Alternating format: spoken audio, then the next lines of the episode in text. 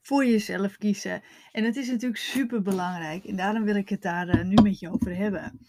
Want waarom, waarom zou je nou jezelf op de eerste plaats moeten zetten? Eerst wat voorbeelden. Nou, kom je niet op de verjaardag van mijn kinderen? Waarom niet? Wat ongezellig. Wat ben je moe? Je kunt toch wel heel even komen? Of waarom ga je nu al naar huis? Je gaat vroeg naar bed? Ja, waarom? Doe niet zo ongezellig, joh. Kom op, hoor. Je neemt gewoon nog een wijntje. Of wat? Ben jij geen luizenmoeder, overblijf, overblijfmoeder, knutselmoeder of wat dan ook meer?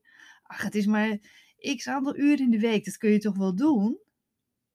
Of uh, uh, hoezo sport je altijd op dinsdagavond? Ja, dat sporten, dat kan je toch gewoon een keertje afzeggen? Dat is toch niet zo belangrijk? Dan ga je toch gewoon volgende week weer sporten? Ken je deze voorbeelden? Nou, die opmerking, als je dan een keer voor jezelf probeert te kiezen, die, horen die, die heb je zeker altijd wel een keertje gehoord. Je hoort overal van iedereen dat je goed op jezelf moet passen, maar oh wee als je het dan een keertje ook echt doet. Dan zijn de mensen teleurgesteld, of sommigen zelfs boos. En dan wordt je een schuldgevoel aangepraat. Maar onthoud één ding: jezelf op de eerste plek zetten, dat is niet egoïstisch. Het is broodnodig. Wordt zoveel meer van je gevraagd dan een aantal jaren terug. En je moet wel voor jezelf zorgen. Je moet jezelf wel op de eerste plek zetten, anders hou je het gewoon niet vol. Want om voor andere mensen te kunnen zorgen, om er echt voor je gezin te kunnen zijn, om bijvoorbeeld ook voor je vrienden klaar te kunnen staan, als het dan echt nodig is, dan moet je wel voldoende energie hebben. En die energie, die krijg je alleen maar door op bepaalde momenten echt voor jezelf te kiezen.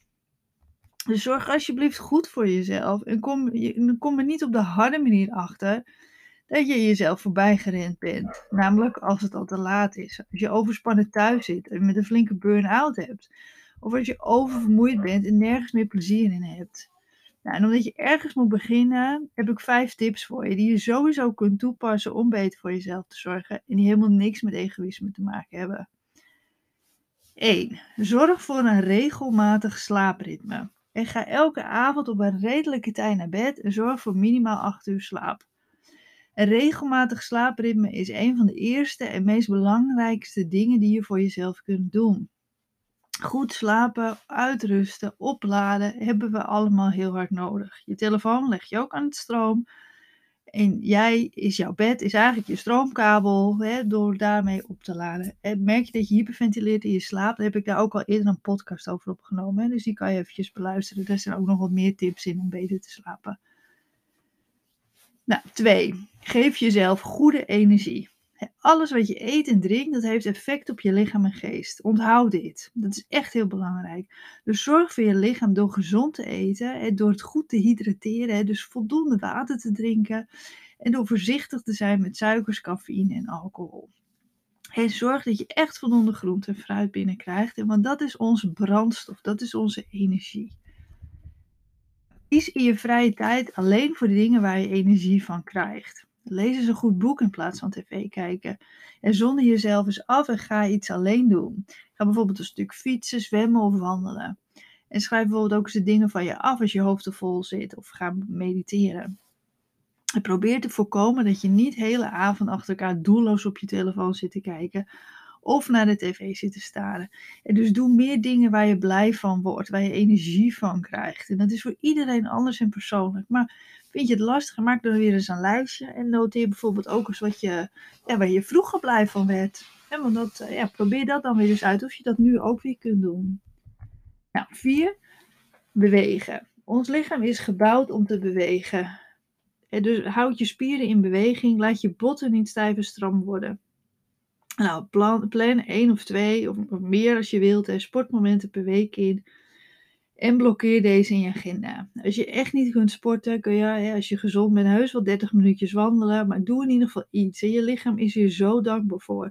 We denken vaak bij sporten dat het echt intensief naar de sportschool moet zijn. Maar wandelen is ook al goed. Doe bijvoorbeeld als het haalbaar is, je boodschappen is wandelend. Moet je met de auto, zit je auto dan bijvoorbeeld wat verder weg. Waardoor je toch eventjes iets moet, uh, ja, moet bewegen. Dus probeer iets meer, ja, iets meer in, in die dagelijkse dingen, die beweging, uh, ja, het, het in, te, in te passen. Waardoor als je het moeilijk vindt om echt zo'n vast moment ervan te maken, ja, probeer dan uh, ja, gewoon door de, door de dag heen gewoon meer te bewegen. Alles eventjes iets ja, actiever te doen.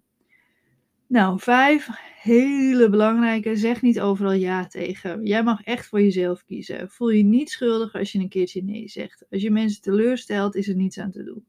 Mensen die namelijk echt belangrijk zijn in je leven, zullen begrijpen dat je af en toe voor jezelf moet kiezen. En die zullen niet te teleurgesteld zijn als je voor jezelf kiest. Ze zullen het zelfs aanmoedigen.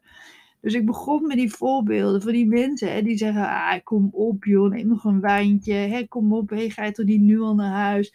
Ah, je kan toch best nog eventjes iets doen? Dat zijn de mensen die zelf ook over hun grenzen heen gaan. En, en ja, probeer daar echt niks van aan te trekken. Neem die tijd voor jezelf, want je hebt het echt heel, heel hard nodig. Nou, ik hoop dat je met deze tips aan de slag gaat. En ik hoop je, dat je weer als luisteraar eh, aanwezig bent in een van de andere afleveringen. Bedankt voor het luisteren. Doeg!